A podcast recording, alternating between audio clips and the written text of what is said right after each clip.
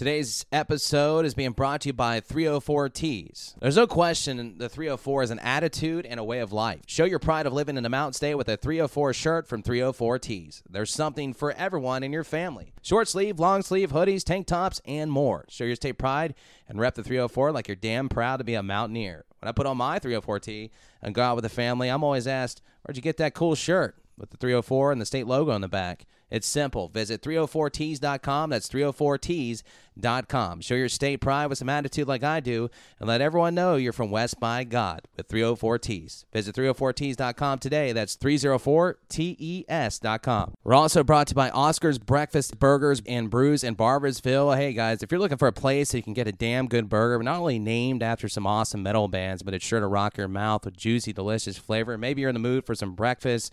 Go ahead because it's served all day, or maybe little bit of both, along with some of the best craft beer from local breweries and from around the country. Of course, you can find all that and more at Oscars. Love their wings and wonderful selection of beers. I've been bugging my wife what seems like every weekend to head back to Oscars, and you should too. Not to mention, you can place your order, check out their menu, and get more info. OscarsBBB.com. Located off Route 60, right past the Barboursville Mall. Wally's and Wimpy's Sports Digest, a West Virginia legend for three decades, is back. Get the scores, the schedules, special features. Wally's and Wimpy's has everything you need to get ready for the big game. High school, college, and pro sports.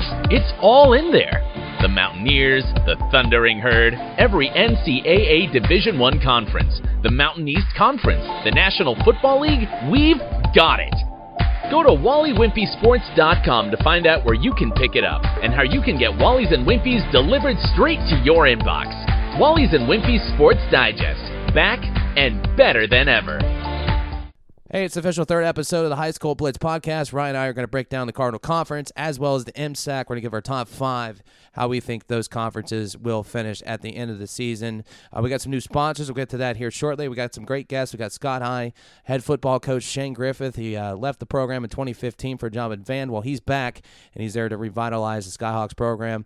Uh, he won. Uh, he won big there. He's the all-time winningest coach uh, in the history of uh, Scott High School. So he's looking to instill that winning culture as as they did before there. And then after that, Sissonville head football coach Mark Wilson looking to build on a couple of successful seasons he's had there with the Indians as well. Please enjoy. Providing you extensive coverage with a different attitude. Not your boring, everyday, run of the mill high school sports show. This, This. is the High School Blitz with your host, Brandon Lowe, and his, due to a conflict of interest, not his official co host, but an official contributor, the Gazette Mail's Ryan Pritt. Now to the guys. All right, welcome in. This is episode three of the High School Blitz podcast.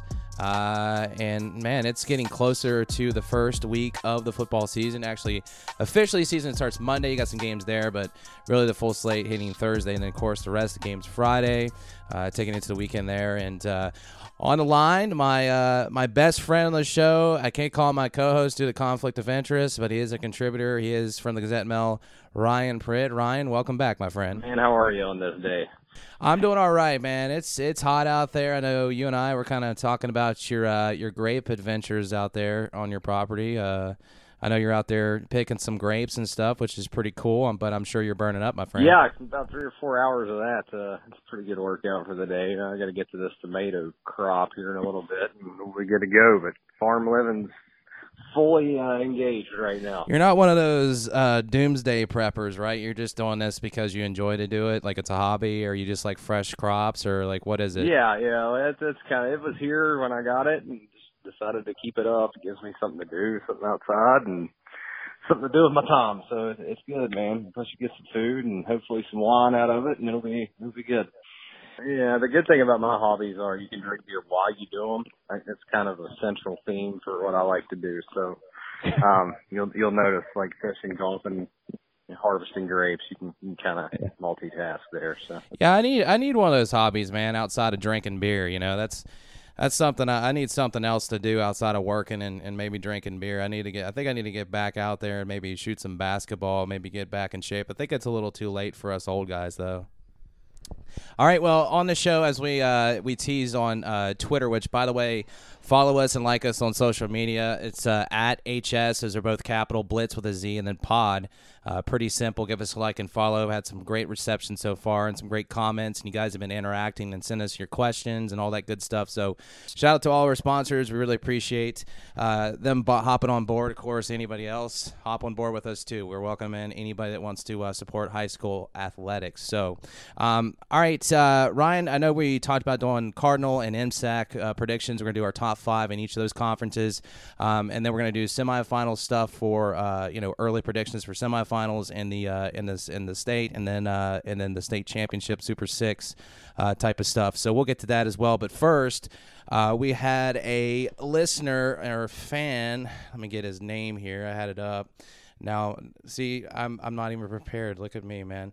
Um, but um, they asked about Tulsa, and I'll get your name here, sir, because I want to. But they asked about Tulsa playing the first three games on the road to start the season. They have to go uh, Fairland, Ohio, and then Clay County, and then Lincoln County. Now, I don't know a lot about what Tulsa brings. I do know that at one point I was a huge Tulsa fan. I'm sure you remember that, Ryan, when they were on their on their on their run uh, a few years back. Um, let me get the name so I can give them credit. Um, Adam from over there on Twitter. I don't have your last name, but uh, Twitter handle at ky dad of three. Um, shout out to you for that uh, for that uh, kind of comment or question. But I will say this: it's always tough to go on a road um, at any level you play, um, especially you know going there to uh, to Ohio and then you come back and then you got to play Clay County, Lincoln County. Um, anytime you uh, you start out with three road games, it's going to be tough, no matter you know what level you're playing at or you know conference or whatever. Uh, that's that's a tough, tough way to start the season. Now, the bright side is they do have one, two, three, four, five home games in a row, including an open week seven after that. So that's the good news. And then, of course, the bad news is you gotta you gotta end the season with two uh, away games, Ryan. But at least you have one, two, three, four, five home games there. Maybe could steal a couple away games, but yeah, it's always tough starting on the road the first three weeks. Well, the biggest part about that that I, that shoots off the top of my head is it's a couple of golden opportunities to pick up wins over Double A competition, which is huge for bonus points when you're a Class A school. So. You know, you can kind of look at that two ways. Yeah, it's going to be tough to head on the road a few times, but those are a couple winnable games that could really pay dividends at the end of the year. And if you are able to steal those, talk about some big time momentum heading into a, a long homestand there, like you're talking about. So, you know, if I if I'm coaching or playing down there, I I, I kind of look at it half full. I think I think that's a really nice opportunity early in the season, not only to gain gain some playoff points, but to make a statement too. So, you know, they're able to pick up two of those at least. I think that bodes well for the rest of the year. Yeah.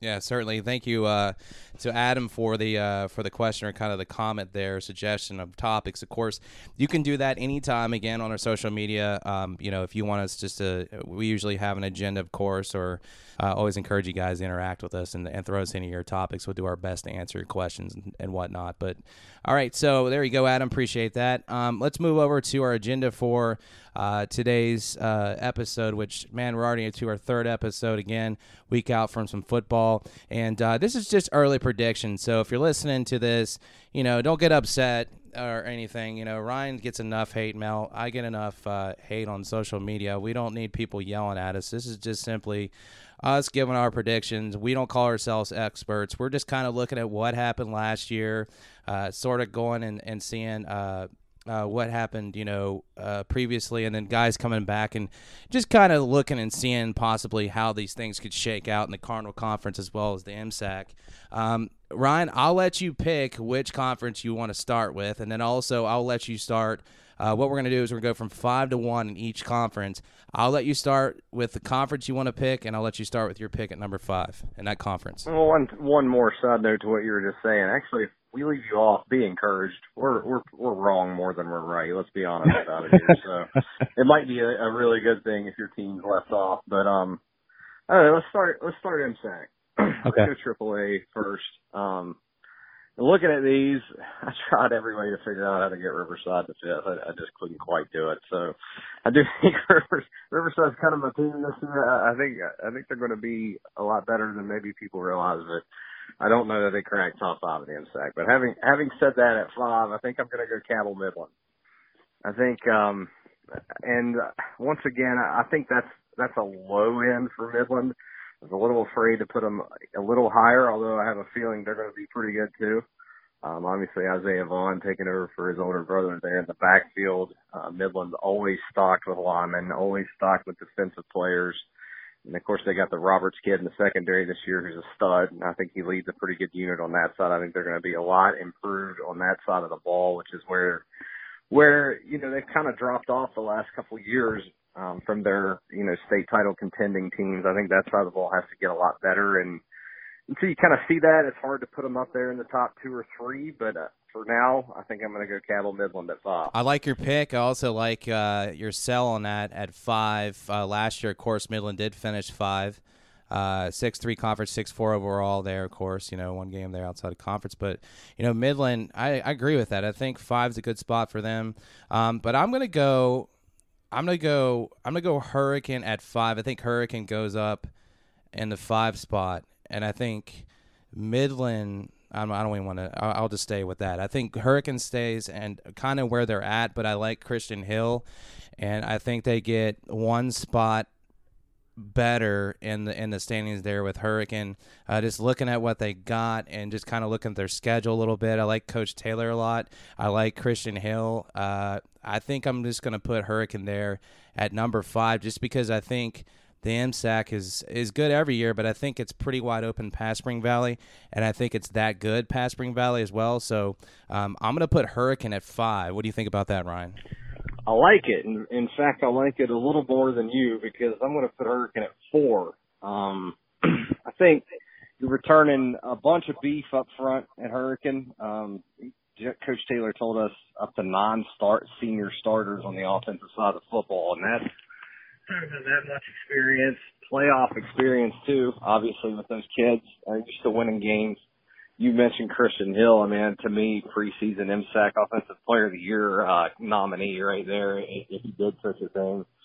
Um, just proven to be so durable and such a workhorse for that team in his career there. Um, Hurricane has a tendency to play Spring Valley better than anyone else in the league. If you look over the last couple of years, they've given Spring Valley some fits, and and they're a tough matchup for Huntington. I mean, they've gotten over the Midland hump the last couple of years, two or three years, and I I, I like Hurricane a lot actually. So I'm going to put them at four. I like it, man. Um, so we're pretty close. You uh, you like Hurricane at four. My four is going to be. I'm gonna put. I'm gonna put. I'm trying to. Man, I I I so badly want to put. But I'm gonna put Huntington at number four. And the reason why and the reason why I'm going to put Huntington at number 4 is speaking with now they finished what third last year. Speaking with Grant Traylor, I know he's kind of big up on Huntington as far as it all starts up front with the lines there, but I think quarterback play could be spotty. I don't think uh, Billy Seals is going to be able to do what he wants to do uh, with the with the kid there. Was it Blackwell? Is that his last name? Oh, is his last name slipping me? Um, that kid, I don't think is going to be able to do everything Billy Seals uh, is wanting there in his offense. But I do think they're going to go more power, is what Grant was saying as well. And I do think they have a good season. I just think they drop off just a little bit. And I know they got a lot of talent, man.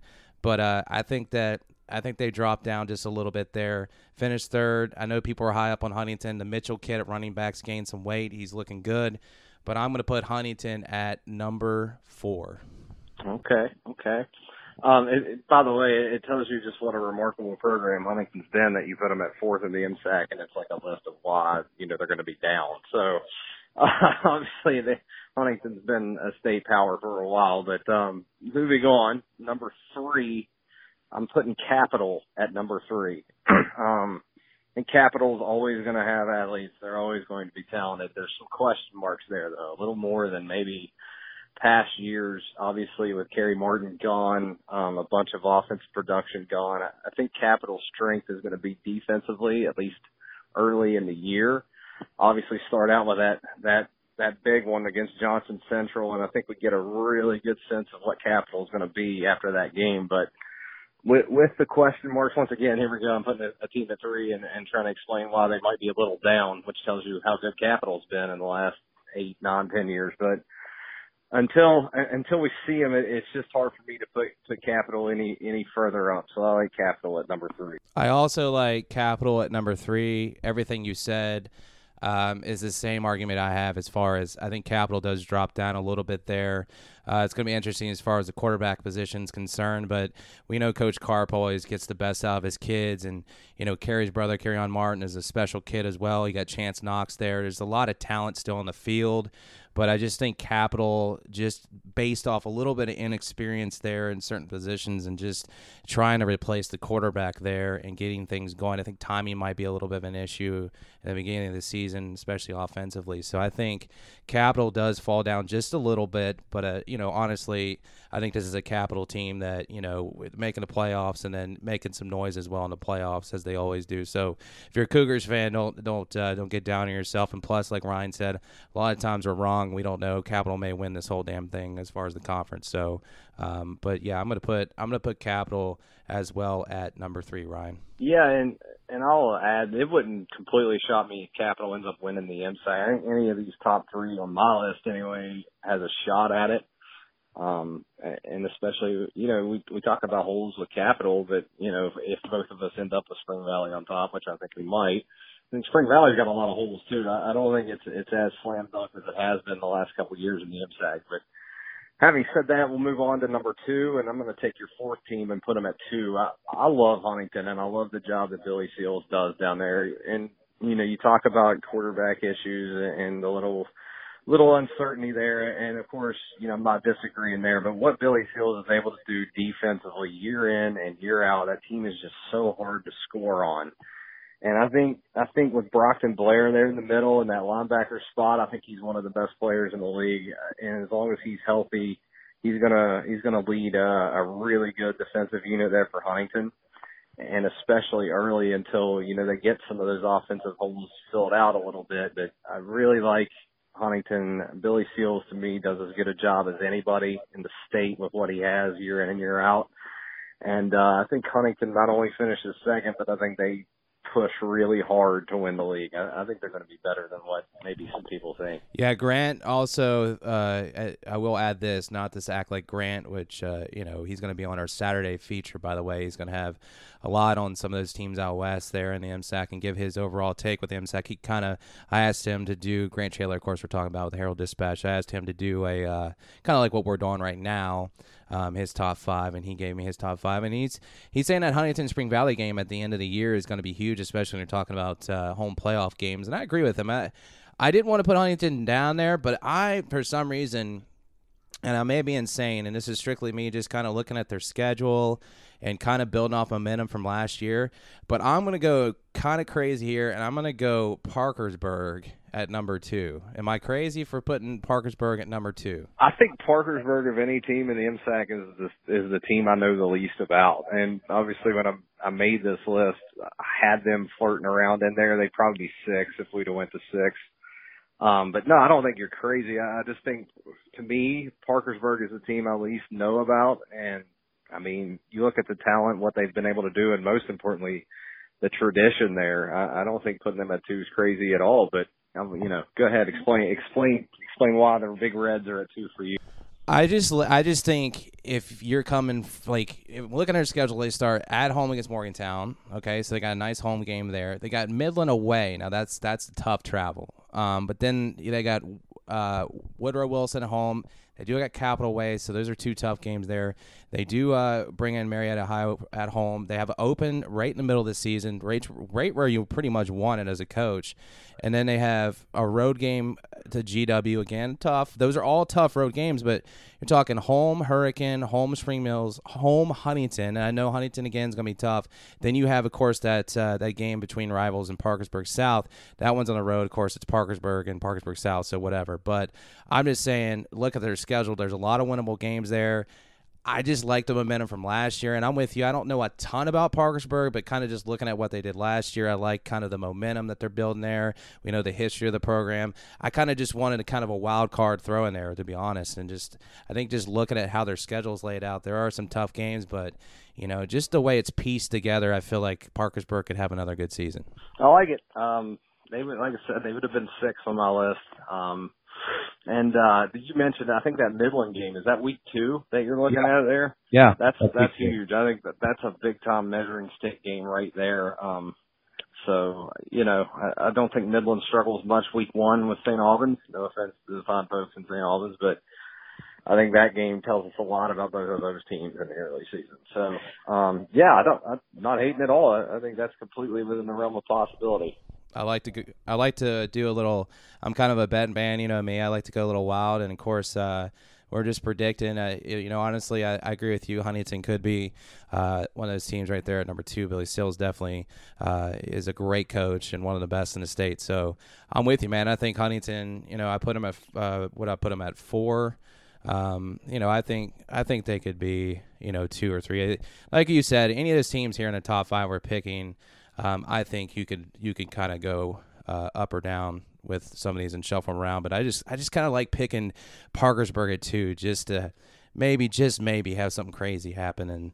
And there they are in the mix again at the top. Yeah, I, I try to do this. I try to talk myself into Midland at two, but I I don't know. I, I it, it's more of a gut feeling for me on Midland than anything else. So it's hard to kind of kind of take that chance for me when I can't see it on pencil and paper. But I just have a really good feeling about Midland this year. But anyway, we'll move forward. And at number one, I don't think I'm shocking anyone here. Uh, go with the Timberwolves down at Spring Valley. I just, to me, I, and I know they lose a lot. I mean, Grayson Malashevich is gone. Chafin is gone, and and they're, they've got holes to fill, as many as anybody, really, if you look at uh, skill position wise. But when you're putting that kind of muscle up front it, it just, especially in high school football, and you could dominate the line of scrimmage. It just goes so far in terms of winning football games, especially in high school because so many of these teams are ground oriented anyway. So, you know, if you can move people and run the football and then on the other side stop teams from running the football, it just, it's just such a good formula to win football games. And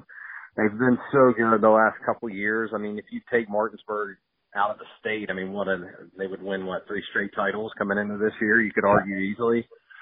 And um until somebody can contain that beast, you know, I I kind of got to go with them. Now, you mentioned what Grant said about Huntington and Spring Valley.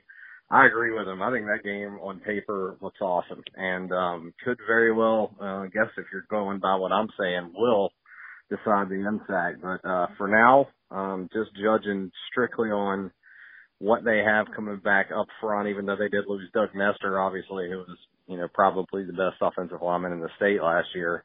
Um, I just like what they have up front. And until somebody can out physical them, I, I kind of got to go with the Timberwolves. Yeah, it's pretty plain and simple. Again, Spring Valley would be my number one. And, you know, again, you know, people may be rolling their eyes right now because they're like, of course you're picking Spring Valley. But uh, the hype in this, I think, is, is certainly true. Uh, things could go off the rails. We don't know. There could be some injuries. I hope there's not. Um, but I, I just think they're just too deep. I mean, as far as depth's concerned, they always have a bunch of guys that can you know, contribute at, at, different positions. And I just think they're just too well rounded. Um, Brad Dingess just does a phenomenal job. As we talk about Billy Seals, Brad Dingess has just got something rolling there with Spring Valley. And I just don't think, I think at, this point, and it could be proven wrong. That's why we play the game, right? That, you know, this could be proven wrong. And, and you know, there could be some teams like we talked about uh, Parkersburg or something, or some teams down below we didn't mention that uh, could sneak up and, and steal one from them. We just don't know. But until that happens, um, I think it's Spring Valley at number one, and I think Spring Valley wins the conference for sure. Yeah, I completely agree. So, um, you want to move on to Double A, I think we'll flip. I'll let you uh, I'll let you start us out here in the Cardinal. Where, by the way, I think things might be a little bit more wide open between us here. And I don't know what you got, obviously, but I have a feeling we're gonna we're gonna have some differences on this one. Yeah, and uh, speaking of the Cardinal, a uh, little promotion here. Stick around. We're gonna have uh, two coaches there out of the uh, out of the Cardinal. Uh, we're gonna have uh, Coach Griffith there with Scott, who's returning. Scott le- left there back in 2015 for that job there at Van as a as a principal, and, and then now he's had an opportunity to come back and plays all time winning coach there, and and uh, has won a lot of games. I believe it's 98 or something of, of that sort uh, off the top of my head. So um, I, we're gonna have him and uh, as well as uh, coach Mark Wilson. So uh, stick around for those conversations. Uh, great conversations with those two coaches, and uh, you know I think Scott. By the way, I just want to throw this out there. You know they won one game didn't, uh, all year, didn't win a game in conference, but I do think Scott will be, and I know this sounds crazy, because they only won one game, but I do think they're going to be more improved. It's going to be a tough road, um, but I just want to start by saying I think Scott did a great job of getting coach back there, and now he's instilling this winning culture, and he's uh, trying to feed off some of the stuff they did in the past. Not live in the past, but just kind of get these kids to buy in. And those early practices, Ryan, that he's putting on, uh, he found out that uh, that 5 a.m. practice is really, really working with his kids. Yeah, and the, the another good thing about that team, you mentioned he's coming back. He's in, he's getting a young team as well, which bodes really well for the future, especially if he can kind of implement his his philosophies there with those kids when they're freshmen and sophomores. It can only bode well. And people forget it. It's really not that long ago that Scott was one of the, if not the premier team in that league. I mean, they were ranked number one in the state for a while one year and had two or three straight playoff runs. And, uh, yes, uh, Coach Griffith does a great job. He's a good dude and, um, certainly wishing him well down there. But I, I agree with you. I think they're going to be a lot tougher this year than people are probably giving them credit for. Certainly. And, you know, Coach is great to talk to. Uh, he's a talker and he's easy uh, to talk football with because he'll, he'll let you know what his plan is, and he'll let you know that uh, what the direction is, and he just loves being there at Scott. So uh, you know, good luck to them, this uh, the Skyhawks, and stick around with the the conversation there with Coach. But uh, anyway, I'm kind of buying time here, Ryan, because I really I, I I tried to I tried to figure this out. Um, with what I wanted to do with my top five in this in this conference, because I think it's it's pretty bonkers. Um, but I'm at number five. I think I'm going to start with I think I'm going to start with Winfield. Um, I think I'm going to put Winfield at five. Uh, I just like what they do every year, and I just think some of these teams here at the top that I'm going to put, I think, I think are just a, a, little bit better. And I'm rooting for Winfield, I think, and that's why I want to put them in the top five there because they finished sixth last year, four and six overall, four and five in conference play. You've been talking them up a little bit. You think they can hang in with Hurricane for at least a half. Uh, I think Winfield's going to play some good football. They always got some big guys. You always talk about those big guys in the in the in that conference um, and at that level. And I, I really do think that Winfield could be a top five. I just don't want to push him too high, and I think I'm going to put him at number five. Okay, I'm going to cheat a little bit here. I think there's a tie. Um, um, I'm going to go Winfield.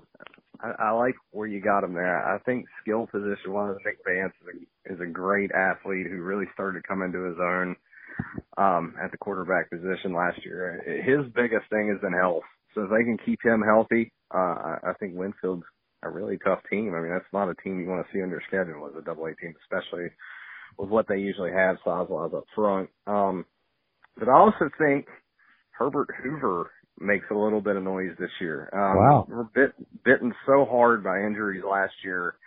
Those things just kind of tend to even out. Um, they're not a, a, a particularly deep team, but if they can stay healthy and get the guys back that they kind of lost last year, you know, that was a team that lost by five points in week 10 to Poca last year. So, I mean, they have, they have some, some depth. They are, uh, some athletes. They have some good guys up front. Um, obviously the Graham kid taking over a quarterback from tight end this year is going to be key for them, but that's a running offense anyway. And, and that kid, you know, pretty good size on him, six foot over 200 pounds, not easy to bring down. And, uh, Hoover's got a couple of them. So I think Hoover surprises a few people. I think they win a couple games that maybe people don't think they'll win. And I think Hoover flirts with a playoff berth by the end of the year too. I like it, man. Uh, so we did, we did agree with Winfield, but you threw in a Hoover there too. Um, Hoover Hoover, by the way, was one and nine on the season, so it's kind of a wild card pick for you. And you talked about those injuries, and um, we talked about numbers too. They've been trying to get the right set of numbers to even compete there in the conference. So, um, and which is a school that I think I'm about to talk about uh, in Logan. I think Logan is going to be number four, and I, I'm putting Logan at number four I liked how you talked them up. You bought, yeah, bought in. You talked them up uh, last week when we were picking games. You talked about their size. You talked about some of the things they can do on offense. You talked about some things they possibly can do on defense. I don't know a bunch about Logan, but you did sell me on them as far as when you're talking size up front. You're talking about some guys that can do some things, especially athletically.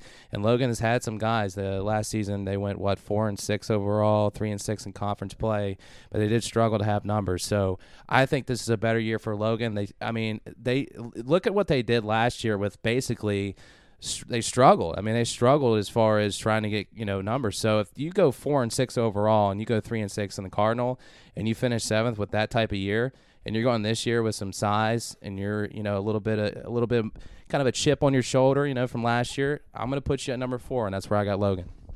Man, I love that pick. I really do. Um, the thing that scared me off of Logan they did lose a lot of skill position there, so we'll see how they replace those guys. But I mean, you're completely right. With that size up front, if those guys can move a little bit, I, I love that. I I didn't quite have the the guts to do the same, but um I'm really gonna. I see. I knew this Cardinal one was going to be fun, so I'm going to have to boot the windows and doors here after this. But I, I think Poca is fourth.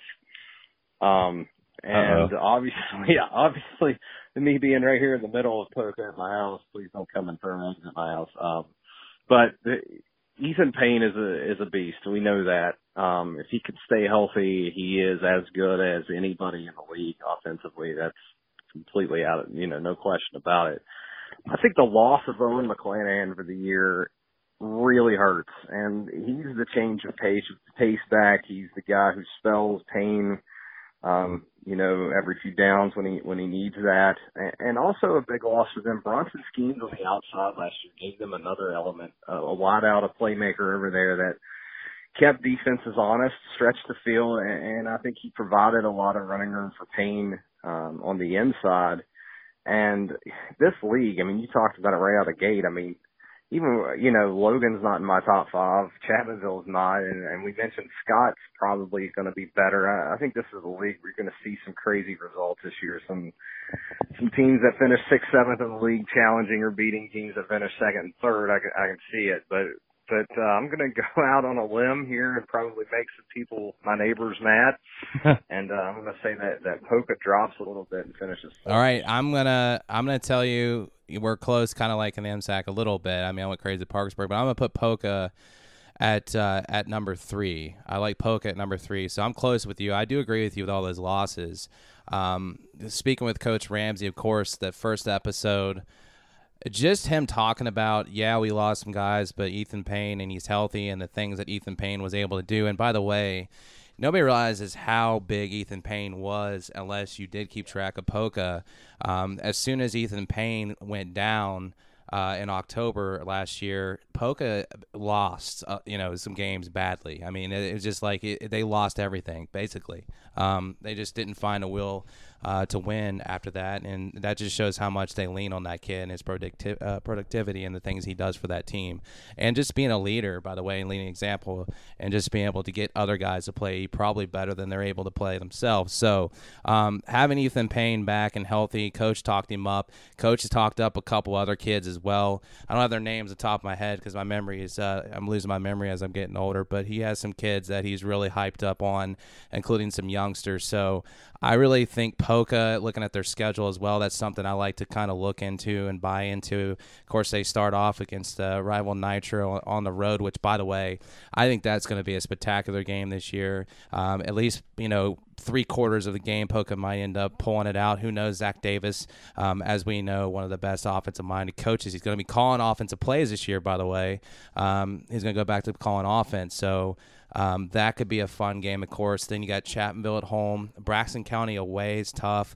Logan coming in at a home game, which uh, it could be tough, especially with Logan's size as well. We just talked about that. You do have to go on the road to Mingo, but you have Sissonville at home, you have Winfield at home, then you have an open, which is kind of late in the season. That's when you're going to start talking about guys staying healthy. So that's going to be a big part of Poca as well, getting to that open uh, and how beat up you are at that point in the season. But the tough, tough part is you do have to end your season against Hoover and Wayne on the road, Ryan, which I think are, is just going to be massive for the Dots. Yeah, and there a minute ago I didn't even mention Nitro, and that's another team I think both of us expect to be a little bit improved, if not much improved. So, yeah, I you know, Poke on paper, if Payne stays healthy, he can beat anybody in this league. Um, it's just, you know, one injury to him, like we saw last year, and, and they're a completely different team. And without Bronson Schemes on the outside, who I thought, you know, had a monster season last year, I just don't.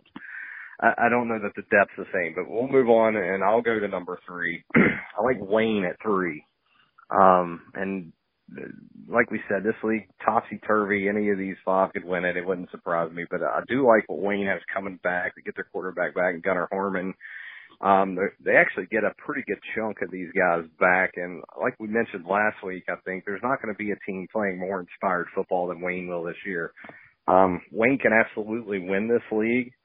Um, but you know they're just not quite the Wayne teams that we've seen five six years ago. Um, and maybe they get back to that this year. Obviously, Tom Harmon been around for 23 years. The guy knows what he's doing. Won a couple, two, three, four state titles. I'm not sure the number right off the top of my head, but um, knows what he's doing down there. But I, I got to see a little bit more out of Wayne. I know I think they went nine and one last year and was the team that beat Poca, but um, just kind of like waiting and seeing with Wayne. I, I'm kind of doing what you're doing, and I'm going to throw a crazy team out there in a minute. But for now, for me, I like Wayne. I got a kind of a hunch of who you're going to throw there at the top, but uh, I'm going to go.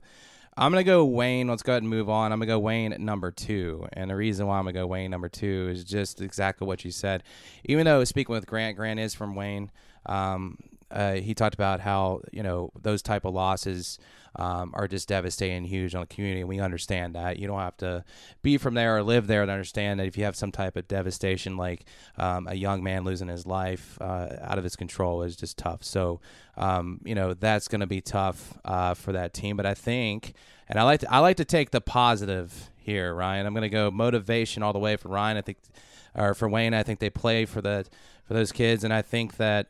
Um, I think they obviously have a tough. I mean, this is kind of putting it lightly. Uh, you know the tough, uh, uh, you know, home game there uh, against Spring Valley, but uh, but then then you got to go on the road again, uh, or I'm sorry, on the road to Mingo, which is tough. But you have an early open, which is kind of strange on that schedule. Um, but then you have Winfield away, Nitro home, Scott away, so it's a very tough schedule as far as you know your back and forth uh, road games and home games. But I just like I like the story I do of uh, you know these kids fighting adversity and uh, playing for uh, you know their teammates. So I, I, like I like Wayne to have a better season, and uh, I know maybe I'm kind of being a wild card here because of those things. Um, I do think, regardless, I think they do have a, a good season, but I'm going to put them at number two. I do think Wayne plays inspired. Yeah, and the one thing I'll say about Wayne too, I think normally, if you look, that they're more equipped to handle injuries than just about any team in in the league. Um, they always have good numbers. They've always got strong physical kids up front. I mean, the thing to do in Wayne is play football. You know, you, you look around at some of these high schools and there are basketball schools just like colleges, but, but Wayne is very much a football team and sometimes a baseball team too. Not to not to slight the baseball team there, but um, yeah, and that's another thing that you like about Wayne. I mean, as the season goes on, they tend to be stronger just because their depth allows them to be. So, it, like I said, I had Wayne at three. It wouldn't surprise me if they won the league. I, I like Wayne a lot. I like all three of these teams a lot, and having said that, let's segue into into my uh, my big shot. I like Sissonville at number two, mm. and I part of it's a gut feeling, part of it's talking to Coach Wilson there at length uh, about a week ago, and you know I, I haven't heard the interview yet, and um, but really low key, he loves this team. I, I think he likes this team more than he liked last year's team, and look at last year's team, and they had Will Hackney, who obviously threw up some just a strong, eh, let me talk, strong, I can't say that word, big numbers. And, um, you know, losing a kid like that, obviously I think that takes Sissonville off of a lot of teams' radars, but they're very multifaceted in what they can do. They, they have a two quarterback system right now. You got a, a kid who transferred from Ripley and, and Wilson said that, you know, one of them's a good runner, one of them's a good passer and, usually that kind of thing doesn't necessarily work out, but at the high school level, if you've got two kids who are capable of starting and they bring two completely different skill sets to the table, can be a good thing, especially, you know, if injuries happen. Um, you know, he's got a big time running back in the backfield, a big six foot, 225 pound kid who gives you a little bit of a power dynamic, and he's got guys on the outside that can run really well. Um, just a really multifaceted offense, I think, at Sissonville. I think they're going to be able to play in a couple of different styles. Defensively, you, you know, Sissonville's been a pretty good defensive team anyway. They get a lot of depth back on that side of the ball as well. I think he's got six starters coming back on both sides. And um, talking about teams that are hungry, I mean, Sissonville has yet to win a playoff game under Wilson, even though they've had some great teams. You go back to the year they, I think they hosted Weir, and that was a double overtime loss, and that I think they were nine and one that year. Um, but I just kind of like Sissonville creeping under the radar. I, I'm not sure that many people are talking or thinking about Sissonville right now, and I think they kind of sneak up, get a couple teams, and in a year where I think there's going to be a lot of calamity. Um, you know, this this might be a year that Sissonville can surprise a few teams, or maybe I'm just completely out of my mind. But uh, I'm gonna I'm gonna put the Indians at number two. Man, I like the pick a lot. Um, having the conversation with Coach Wilson, uh, yes, the two quarterback uh, system, and the, and having that guy, tran- the kid transferring from Ripley, um, he kind of talked about that as well. And you know, I didn't really. I mean, I like it. I don't. I wasn't really necessarily sold because once Hackney was no longer there, we knew how, uh, you know, the impact he had there um, with the offense, and it's never easy to uh, to replace your quarterback, especially a kid that's been there so long or played so long in the offense. So, um, I think that's going to be uh, something to watch out for, obviously. And that was one of the first things I asked Coach Wilson was, you know, how are you going to be able to uh, to kind of replace some of the production there, quarterback, and, and some of the things that Hackney was able to do. And, um, you know, you just can't really ever replace uh, a player. You just got to hope that, um, you know, you got some kids that you can bring in or kids that, uh, you know, want to step up and, and make some of those plays for you, especially even some young kids. So um, I like to pick Ryan. That's, that's, that's, uh, that's pretty cool there.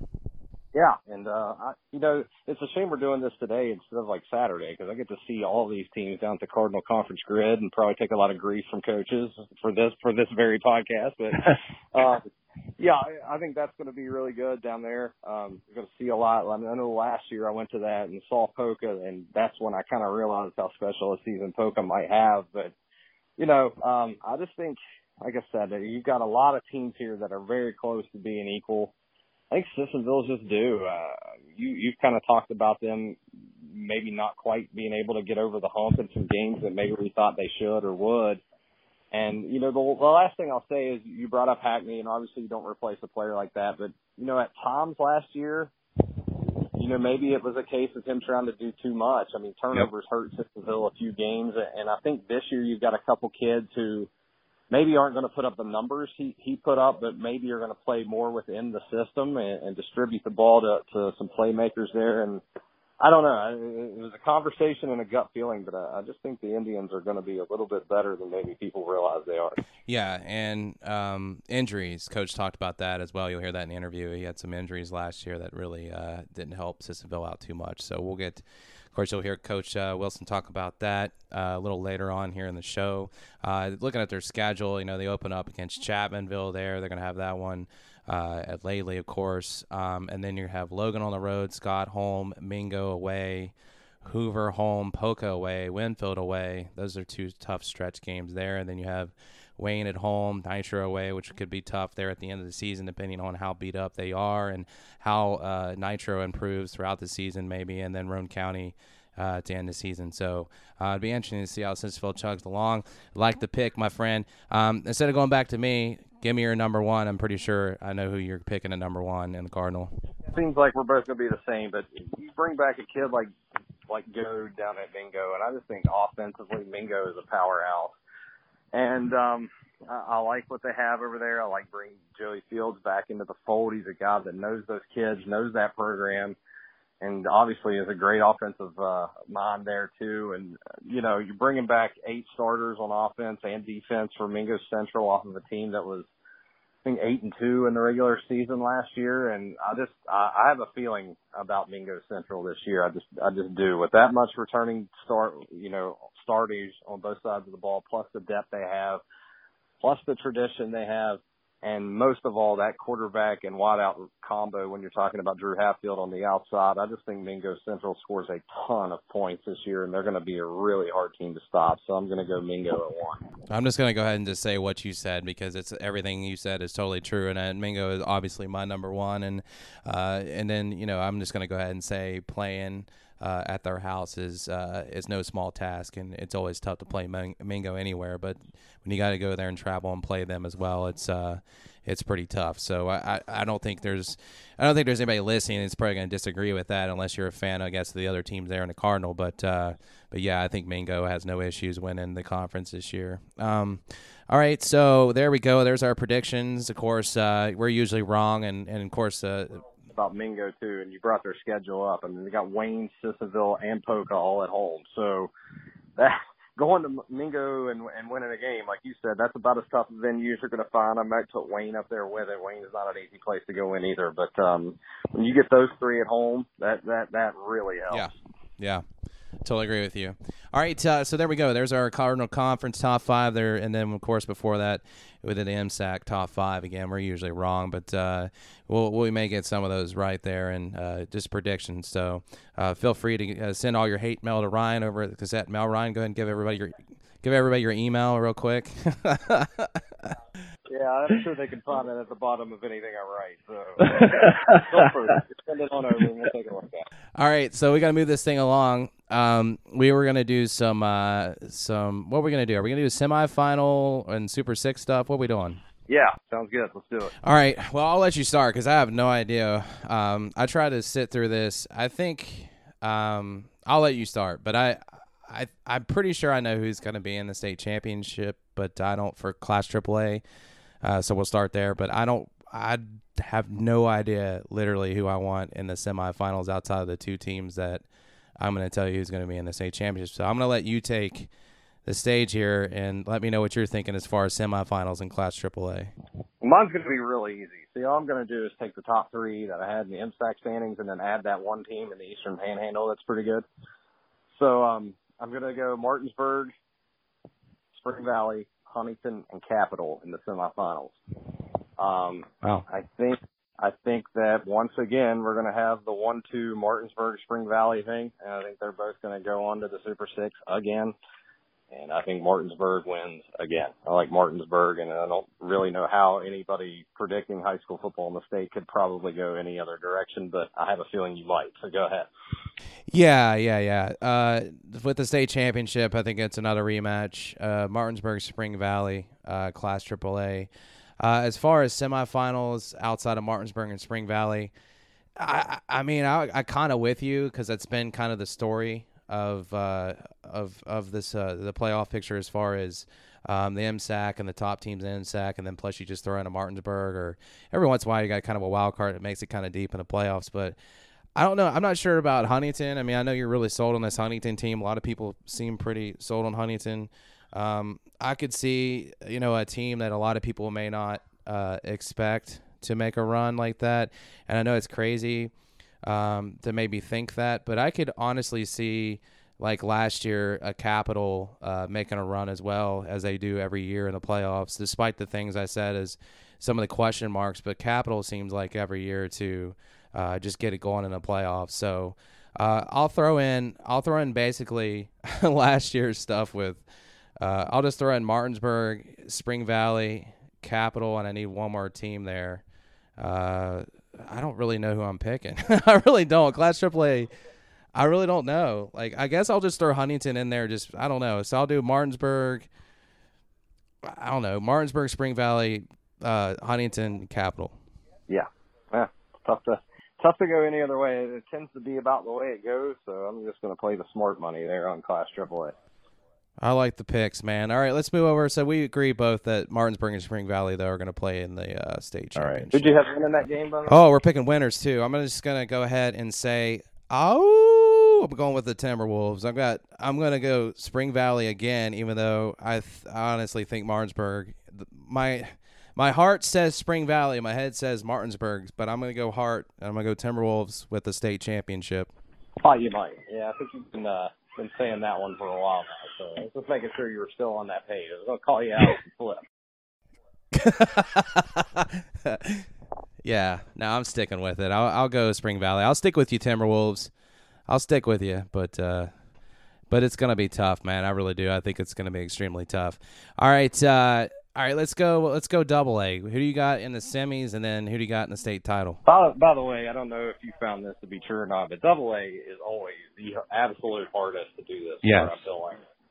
Um, so Double A, I, I like uh, my four: Mingo Central, Bluefield, Bridgeport, Point Pleasant, and that does not include the defending champs, as you'll notice, and I'm sure I'm going to get grief for that too.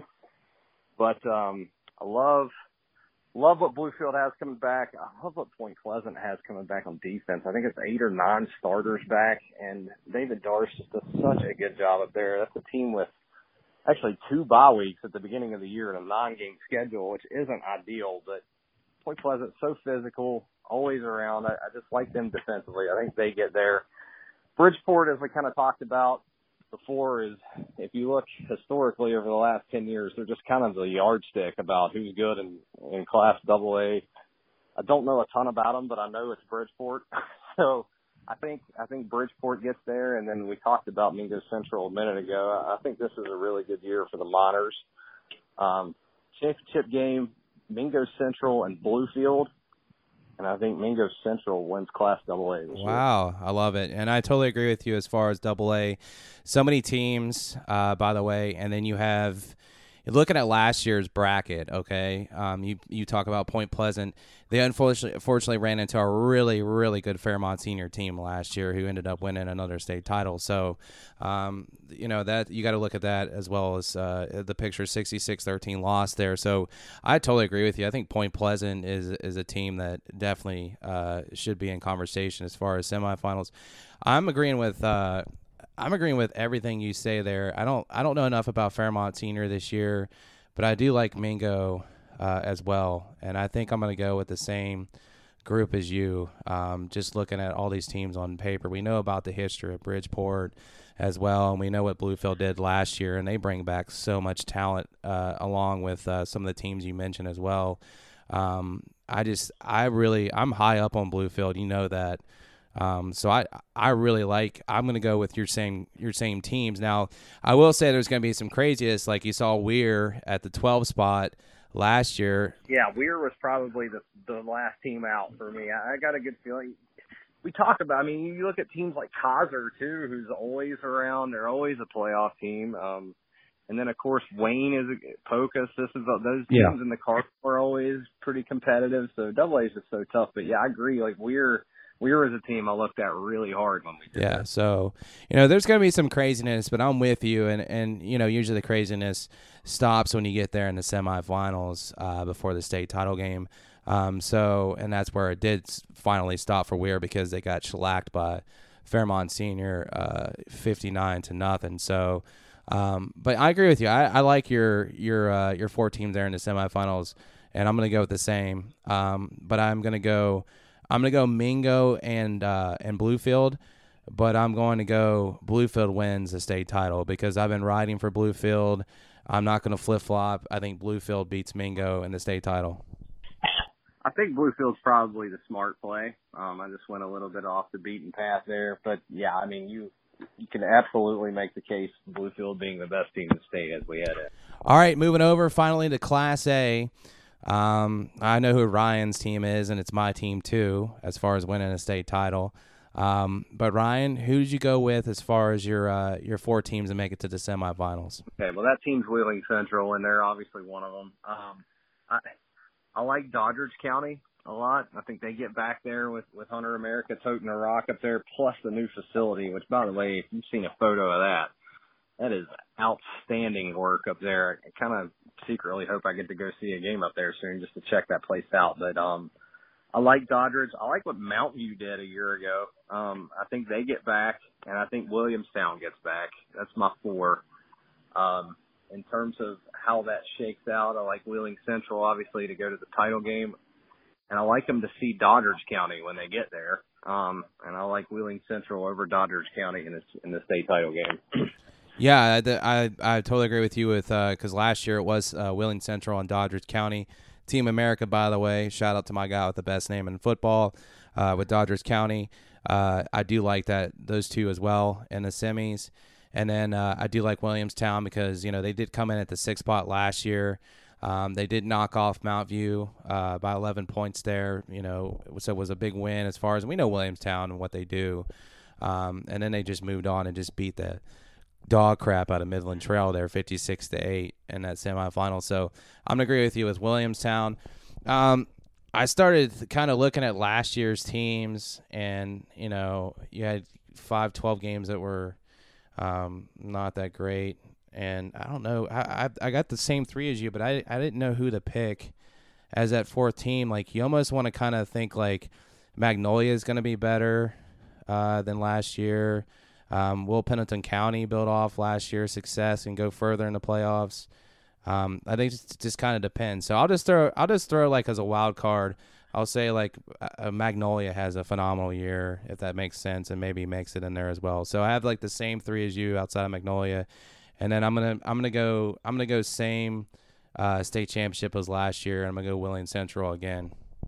Yeah, I could see a Doddridge Williamstown semifinal that would on paper be a battle for the ages. I, I could see that. Um, yeah, but you're right. In Class A, I mentioned Double A is always the hardest, but Class A always has the one or two teams that sprite up out of nowhere, and, and like Mountain View did a year ago. Um, and, and it's kind of easier to do when you're talking about lower numbers of rosters. It only takes three or four kids to really put together a pretty good Class A team. So, you know, I, I like I like the Magnolia thing. Obviously, I, I think East Hardy is another team that you know just a couple years ago. I mean, you were talking back to back state title appearances.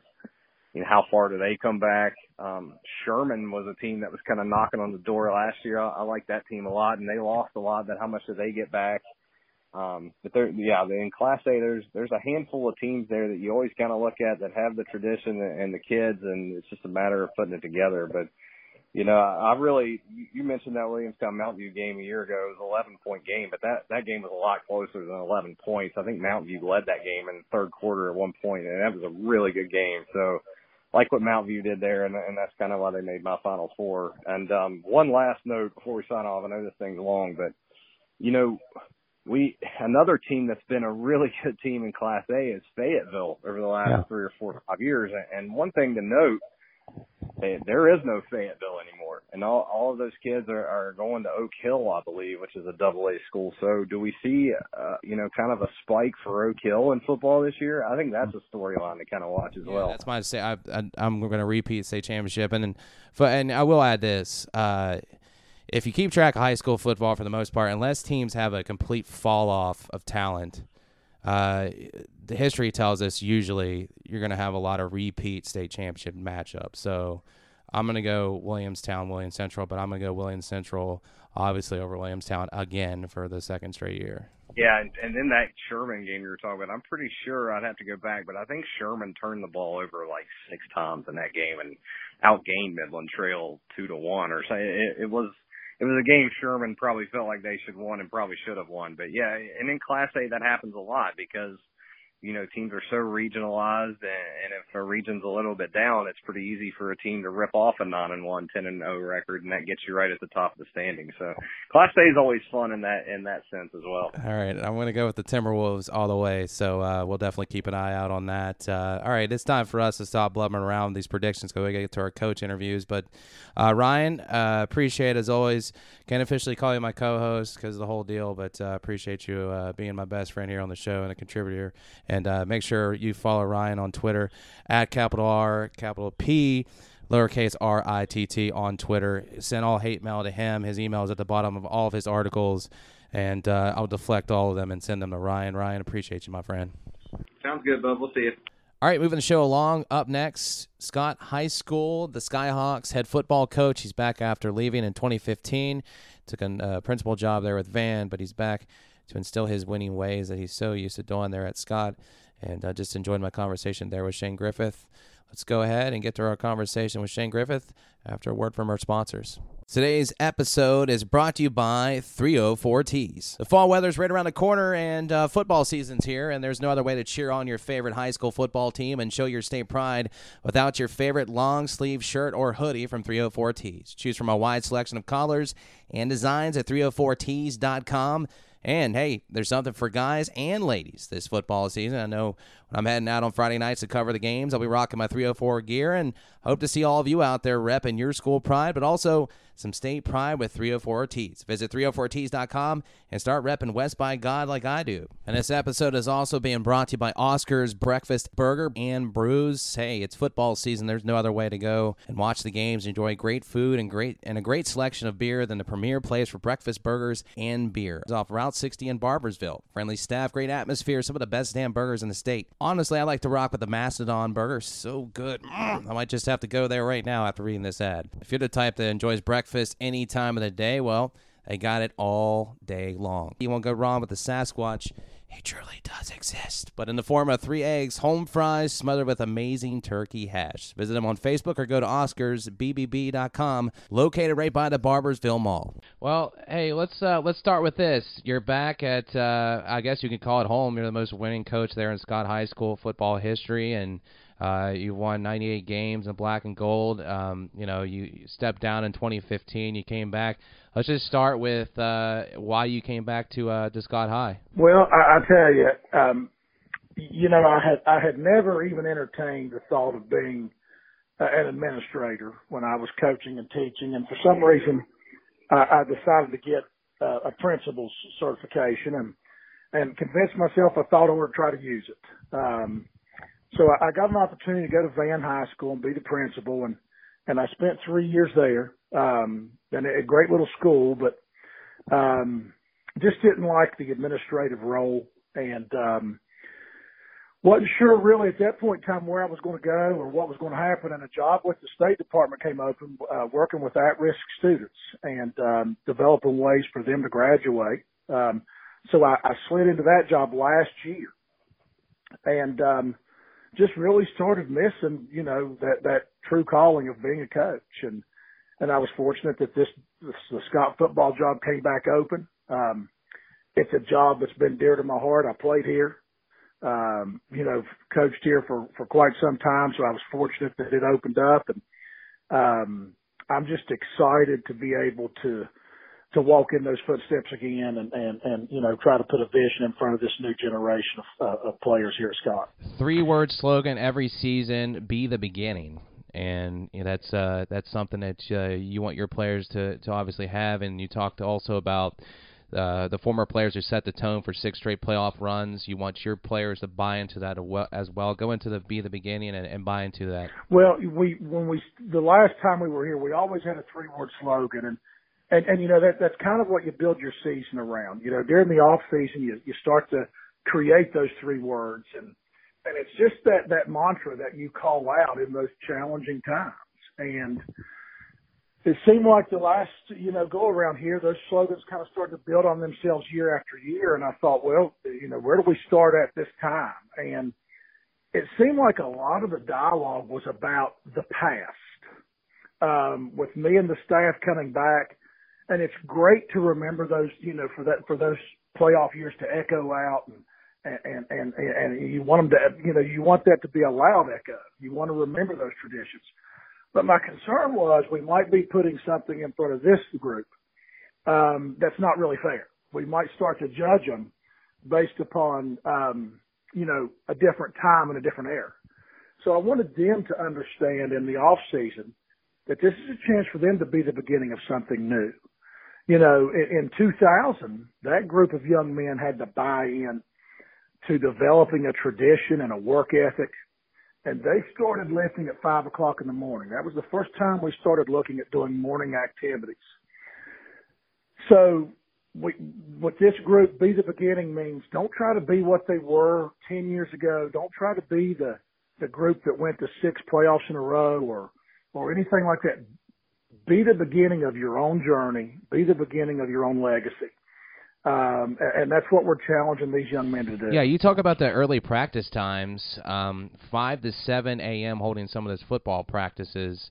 Um, you know, I remember uh, as a young man, I wasn't that disciplined, so uh, you know, trying to get up at five to seven a.m. You know, that's pretty early, especially trying to get out there on the field. How's uh, how's these players responded to that, and where have you seen some of the difference as far as these early practices? Well, I tell you, they've responded well. I think they're hungry. I think that, you know, always used to say towards some of the latter years here, I said, how do you get a full wolf to hunt? You know, we had had so much success that the bellies were full and, and you kind of lay down then, you kind of take a nap. So the, these guys are hungry. You know, those, those bellies are empty and they're really committed. And we've had great success with this morning practice. Um, so like I explained to the parents, a lot of times you hear the narrative, well, I can't get my son to do it, but the coach can. You know, the coach is probably more likely to get him to do this than I am. Well, what better person to spend those two hours with every morning than the coach? The position coach, the coordinator, the head coach. And, and what better way to, to, to talk about the narrative of building a football family than starting every day together? You know, you, you, you meet with your position coach and you start to, to, to do the football narrative, but then, you know, hey, did you do your homework last night? You study for that test? Um, and, and we feel like there's been a lot of buy-in. Um, went to Chapmanville Saturday in a scrimmage game and, and, and performed very well. Um, you know, um, healthy, conditioned, in shape. You know, people say, well, how do you get acclimated to the heat? And I said, well, you don't acclimate to the heat you know, that narrative kind of gets lost. You know, yeah. you go outside and stand for two weeks in 90 degree weather, and then you go back out the next day. It's still 90 degrees, and you're still sweating. but what yeah. starts to happen in the morning or, or in the evening is you do that on Monday. You practice in 90 degree weather on Monday. You lose all that water weight. You don't replenish it. Mm-hmm. Then Tuesday you lose a little more. And that's when heat exhaustion, cramps, and stuff start happening torn muscles on Friday night because the body hadn't replenished itself. So we feel like scientifically this is an advantage. We're able to push harder at practice because of the temperature. We're able to condition harder. It's easier on the lungs. There's not as much body fluid being lost. So we can drive that narrative a whole lot harder. Um, and practices are cleaner. There's not a lot of chaos. It's quiet. Um, it's like I told them, nobody's girlfriend's up at that time. Uh, there's there's no drama. You know, I, I used to say, my, you know, used to your old timers say, you know, sleep on it. You know, before you see how you feel when you wake up in the morning, and and, and that's because drama builds through the day, and usually at the end of the days when it peaks, well, there's no drama at five o'clock in the morning. you know, so um, I feel like we've had great quality practices. Um, young men have bought into it and we're excited about it. Yeah, it's that's uh I, I like it. I was uh somebody asked me about, you know, early practice high school football and I said all the things and above and I think uh the great thing you talked about uh these players uh the trainer there Brian Justice talking about players having part-time jobs and you know, like you said girlfriends aren't up that uh aren't up that early. It lets these kids practice, uh, all the things you mentioned as far as conditioning, but also, you know, it doesn't take up the rest of their evening and afternoon. You know, a lot of these practices across the state, um, coaches are practicing late into the evening. So I, I agree, Coach. I think it's a great system. Well, and we've got four young men that are playing football and soccer. And, you know, what a, I mean, what role models they are, especially in an era where – participation's down. Participation in all sports is down. And a lot of times the narrative is in middle school, they start to become one sport athletes. And sometimes because of that nature and, and because of how crowded it is, sports become year round, that kids become isolated into one sport. And, you, you know, we've got four young men that are doing both. Um, and I tell them all the time, they're, they're trailblazers um, you know, they're committed to coming to football practice in the morning, soccer practice in the evening. And, um, you know, that, that's something that could be, um, that could change the way people look at, um, you know, playing more than one sport, being committed to something other than at that age than just one thing. Um, so it, it th- there, there's a lot of positives. We we we understood as a coaching staff that when you practice after school and school lets out at 2:45, you can look at those young men and say, "Listen, be at the field house at, at 2:55. We're dressed at three o'clock and we're on the field." And you can hold them to that hard time because you know where they're coming from. All they have to do is walk out the building, get dressed, and get out on the field. Now, when you're asking them to get there in the morning and parents are responsible for getting them there, or an older brother, or an aunt or an uncle, or a grandparent, or next door neighbor, or maybe they're riding with this, this player's parents, you have to kind of understand that sometimes five o'clock may not be five o'clock. And what we shared with everybody is just keep in mind to put your best effort forward. That sacrifice of being there because ultimately it's not a punish, but ultimately the player that is the best prepared because of the practice time they've accrued is the player that's probably going to get the first opportunity. And just being upfront and honest with the parents, those responsible for these young men and the young men themselves and and uh, it's it's went very good. Also leading by example, which you've done. You've uh, you're you've gotten healthier, right? You're doing the walking regimen, and you got uh, you're eating better uh, food. And... I tell you, I've lost 73 pounds. Um, last September, I, I'm a I'm a diabetic. I I was playing college football at Western Union State, and um, 19 years old, been healthy my whole life. I was playing football there for Bob Goble, and when I went into the season, I weighed about 200 pounds. And and by October, I was sick. I was in the hospital and I weighed 167 pounds. Didn't really have a clue what was going on until the doctor walks in and says, you're juvenile diabetic. And I said, there's no way. I mean, I'm 19 years old and, um, went on shots. Uh, wasn't on shots long. I was taking 12, 15 shots a day. They put me on an insulin pump. And I got to a point where I'd kind of, I don't know if I'd call it denial, but just kind of started forgetting that I was a diabetic and um, ballooned up to 314 pounds out of shape. My A1C was real bad, and I got up one morning and realized I got to do something. Um, I was on the insulin pump. I was taking shots, taking medication, and and I've lost 73 pounds um, with early morning walks and and um, you know just trying to so if I'm gonna coach again, I got to be in shape. So uh, uh, made a big difference though in my life. Well, congratulations, you coach. Uh, hard work does pay off, and of course that's going to go down to your players. You know, you you uh, as you're you're all about the detail, right? Charting those uh, the lift and the every single day feedback, you know, the following day. But uh, kind of talk about some of your players. I know Michael Clay comes to mind. He's gained some weight, and he's uh, had that late season injury, but uh, kind of talk about some of these some of these kids that you're excited about on your team this year. Yeah, I tell you, it's uh, it, it's a real good quality group of men.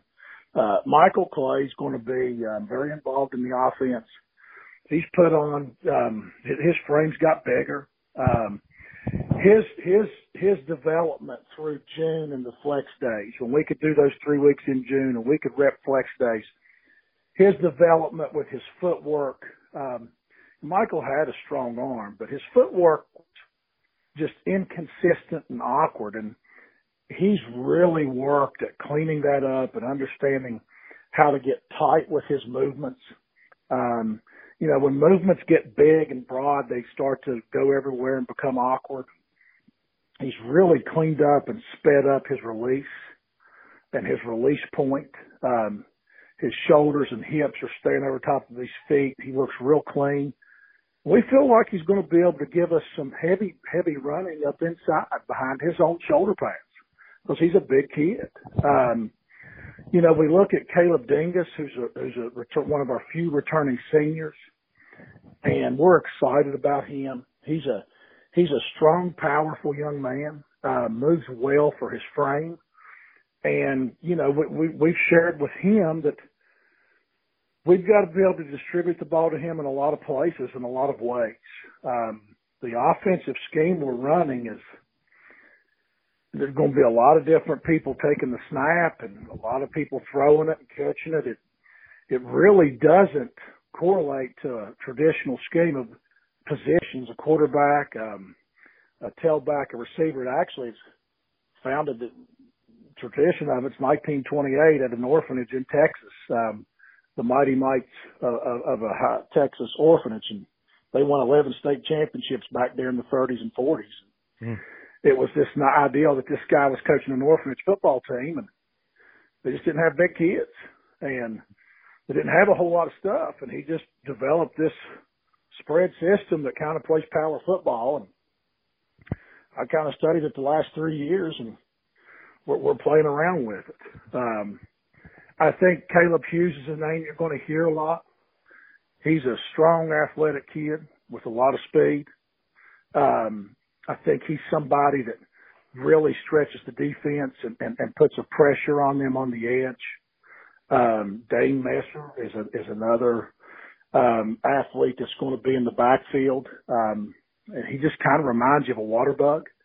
Um, his, his lateral movements are quick, mm-hmm.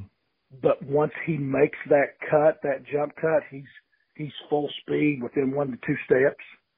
Um, and just, uh, Jeff McCoy as a receiver and, and Cole Mitchell are a couple of guys that we're going to look to, to provide some heavy blocks on the edge and, and, um, you know, run some detailed play action patterns.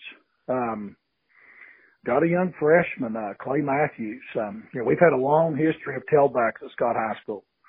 Um, and one of the neat things about the situation, that my offensive coordinator is Will Hatfield, who was the first tailback I had that started that that lineage of tailbacks that it culminated with Jordan Roberts there. Mm-hmm. Um, but Will went to um, Washington and Lee and played, and so he's kind of tutoring and mentoring this new young tailback here. Um, and it's going to be exciting over the next four years to watch that that relationship develop and the success that'll come from that. Um, and um, offensive line, there's got a couple of sophomore tackles that are six three, six four, nice frames. Um, center's a sophomore, Will Elkins. Um, Ryan Elkins and Cody Nance are the two tackles. They play defensive end as well. Going to be very young, obviously. Um, couple of seniors in the mix there. Trey Johnson is the only senior lineman playing guard for us.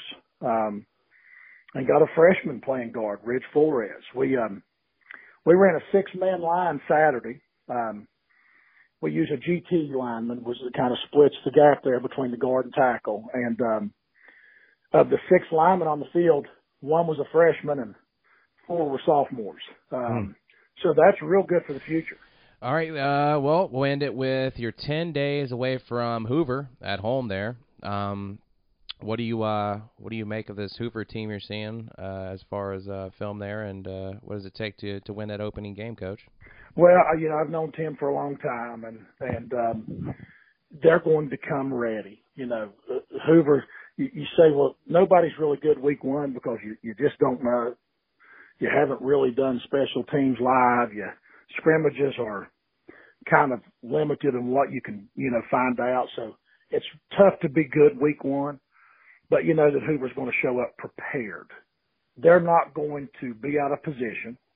They're not going to not understand what they're trying to do. So you have to match that. You have to be just as prepared as a coaching staff. Um, he's going to have those young men believing and believing in their scheme. Um, the Keys kid, the tailback, uh, or the running back and linebacker, he's, you know, he stands out we practiced with Hoover back in June. Uh, Tim and I would always, before I left during the June practices, we would get together, put our teams together, and practice a day or two. Um, and that kid's an athlete. He moves well. Um, Hoover always has a, a line of scrimmage. They always just have those boys that, you know, big strong kids that, you know, move the line of scrimmage, and we've got to we've got to measure up to that, especially with our youth. Um, um, you know, probably expect to see them run that veer, that downhill, um, you know, some midline, um, with a heavy fullback. Um, and then defensively, um, you know, they're they're going to crowd the box on you. They're going to be aggressive. I, they, I mean, in the past, they've always liked to blitz and be, you know, they play defense coming forward. You've got to be ready for that moment. But I, I think for our young men right now, it's just making sure they have the confidence to play the game. When I first came in, I felt like they had lost that edge, that confidence, and we're trying to instill in them, you know, to believe in themselves. And I think that's step one right now. Coach, appreciate uh, your time. I've uh, really enjoyed this. Uh, welcome back there with the Skyhawks. Good luck in your first game against Hoover. Looking forward to what you guys do this season, and uh, I'm sure I'll be talking to you throughout the year. Sounds good. I appreciate it. All right, great stuff out of Coach Griffith there with the Skyhawks, and uh, we wish them luck and uh, all the success. I'm sure we'll catch up with them uh, sometime during the season. So, our attention and continue our Cardinal Conference coverage on this third episode of the High School Blitz uh, podcast. Mark Wilson, Sissonville Indians, had a great season last year, and uh, now uh, kind of looking to that quarterback position as Hackney has moved on, and uh, we got to, to know the Sissonville Indians and their team with Coach Wilson. So, enjoy our conversation here with head football coach of the Sissonville Indians, Mark Wilson. All right, Coach Wilson, let's start with the scrimmage that you did with South Charleston and Nicholas County. What'd you see there in live action? You know, the goal the goal of our first scrimmage, the the main idea there is to figure out who could play. So we really mix a lot of players in and we don't necessarily create a, a first team group, you know, it, you know, that goes out there and plays. We want to figure out which guys on our football team can can play varsity football. You know, one thing I really emphasize with our team is, is excellence in blocking and tackling. So we're looking for guys who can finish blocks and guys who can can tackle varsity level football players. You know, of course, um, we had some alignment issues and a, and a couple plays where you know we don't have enough guys on the field and that sort of thing. It, that happens when you're mixing a lot of guys in the field. We got to get those things cleaned up. But you know, more than anything, uh, our evaluation, I feel like we found at least 11 probably more like 16 or 17 guys that are that we consider varsity level football players, which is the goal. Yeah, and of course, you know, outside of communication, and you're going to have that, uh, especially at this this point of the year. But uh, what are some things that uh, you know you would like to see more improvement on uh, heading into the season, and what are some things you're kind of impressed by so far? Well, first of all, I'm impressed.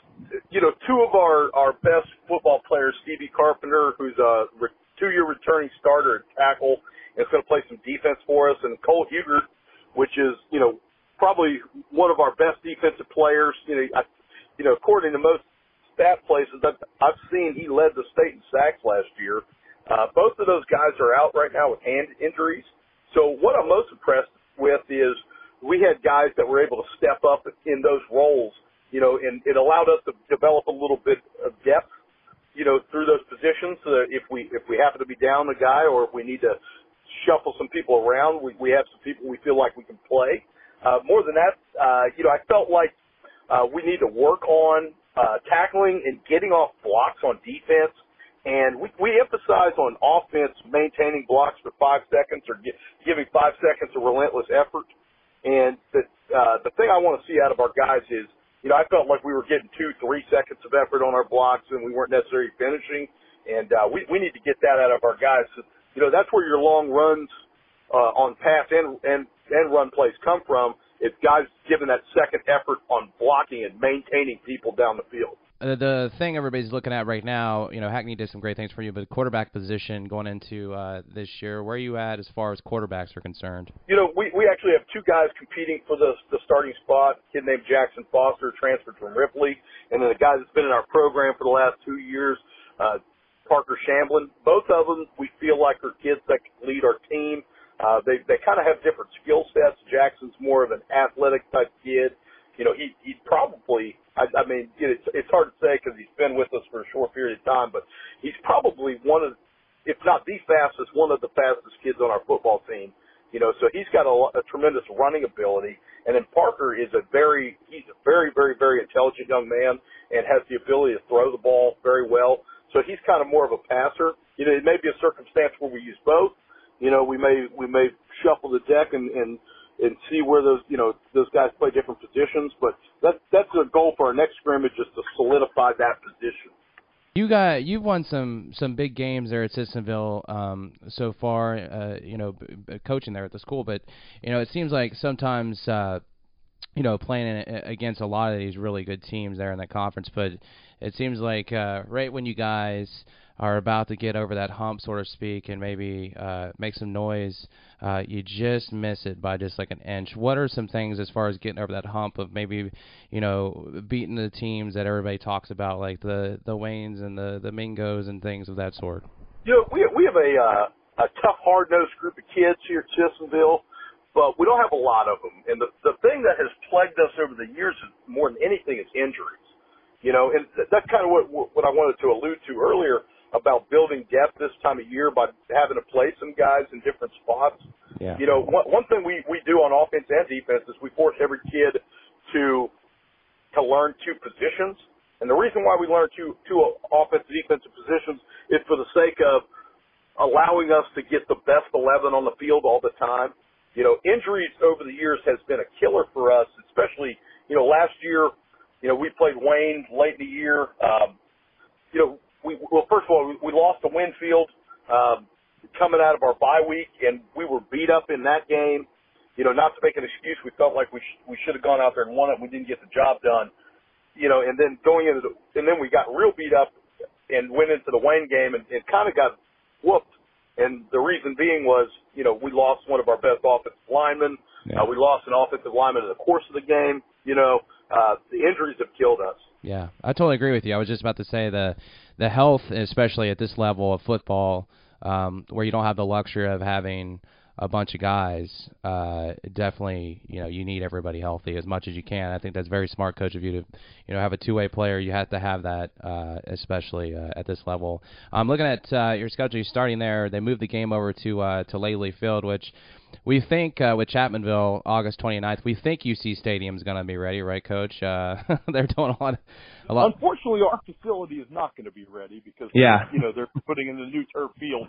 So hopefully, Laidley Field is is ready to go so that we can play that field down there. Or we're going to be a country with or a team with no country. You know. Got to play it out in the parking lot or something, but uh, exactly. Just Yeah. lines in the parking lot and we'll go. But uh, Chapmanville, you know, uh, two teams not doesn't really like each other too much there. But uh, what do you what do you see out of this uh, this Chapmanville uh, team this year that's uh, heading in? you know, so I got a chance to scout them last week, or you know, for their scrimmage. They, you, the one thing I'm always impressed with Chapmanville and why they're such a tough team to play early in the year is they are very well coached. You know, their, their kids always know what to do, and uh, you know, they run their system, and you know, they don't vary a lot in the things that they do from year to year, which is a good strategy at coaching because it allows your team to develop you know, and players to develop and, and reload in those positions. I think they have a good quarterback, decent offensive line. Uh, you know, it's hard to say without watching and evaluating them on film as much. Uh, so I think they're going to be a good test. And, you know, I think year in, year out, the, the One thing I want to ask you about too, with this uh, playing in this uh, in this conference, and um, and then now you have that realignment of uh, Double A, and you had this imbalance almost with the, all these teams. Is you know you used to be able to win, you know, let's just call it, you know, six or whatever. Um, now everybody's saying you need at least win seven games to even talk about getting into the playoffs with that many teams in Double A. Um, when you're talking about the Cardinal Conference and the you know the 2020 season coming up, what's your what's your thoughts of all this realignment stuff, and then now this uh, this basketball thing, how it can affect even football? it's one of those things. I, I think you look at the schedule and the teams that you're going to match up against and say, oh man, like we're really going to struggle here. Um, but then you look at it and say, how much different is it? At least, you know, us panning out to be a AAA team, you know, I don't see a huge difference in the opponents that we're facing. You know, to make the playoffs and go deep in the playoffs, the Mingo Centrals, the Waynes, those teams are still there. You know, you're going to add a couple, a couple other teams that are going to be competitive. So I don't see a huge difference. You know, I definitely think that there will be some challenges. The biggest concern I have, they need to incentivize, you know, teams playing. You know, the, way- the way the structure for the playoffs works now, you know, if you play at a, say we were to play at a, be in AAA, play at a double A team, you know, it, it really negatively affects you if, if that double A team doesn't win a ton of games, you know. And I think they need to find incentivize, you know, playing a, a uh, you know being able to play up and down a little bit. That way, you know, we're not traveling all over the world to, to pick up games. You know, that's kind of it is these days you have to be all over the planet to, to do that, and it's even worse if we're pinned in only being able to play double A or triple A teams, you know? Yeah, good stuff. I totally agree with you. Hey, Coach, I'm going to let you walk your dog. Um, I just got done walking my dog. I appreciate you uh, taking the time to talk about your team and um, wish you luck in that first game against Chapmanville and the rest of the year. I'm sure I'll be talking to you soon. We'll look forward to it. Thank you, man. Have a nice one. That does it for episode three of the High School Blitz podcast. want to thank my guest, Shane Griffith of the Scott Skyhawks. I wish them luck this season, as well as Mark Wilson with the Sissonville Indians. Also wishing them luck as well. Ryan expects him to finish second in the Cardinal Conference, so we'll uh, certainly follow along with Sissonville as we move throughout the season. Officially kicking off next week. Can't believe it's right around the corner. I want to thank my sponsors, 304 Tees.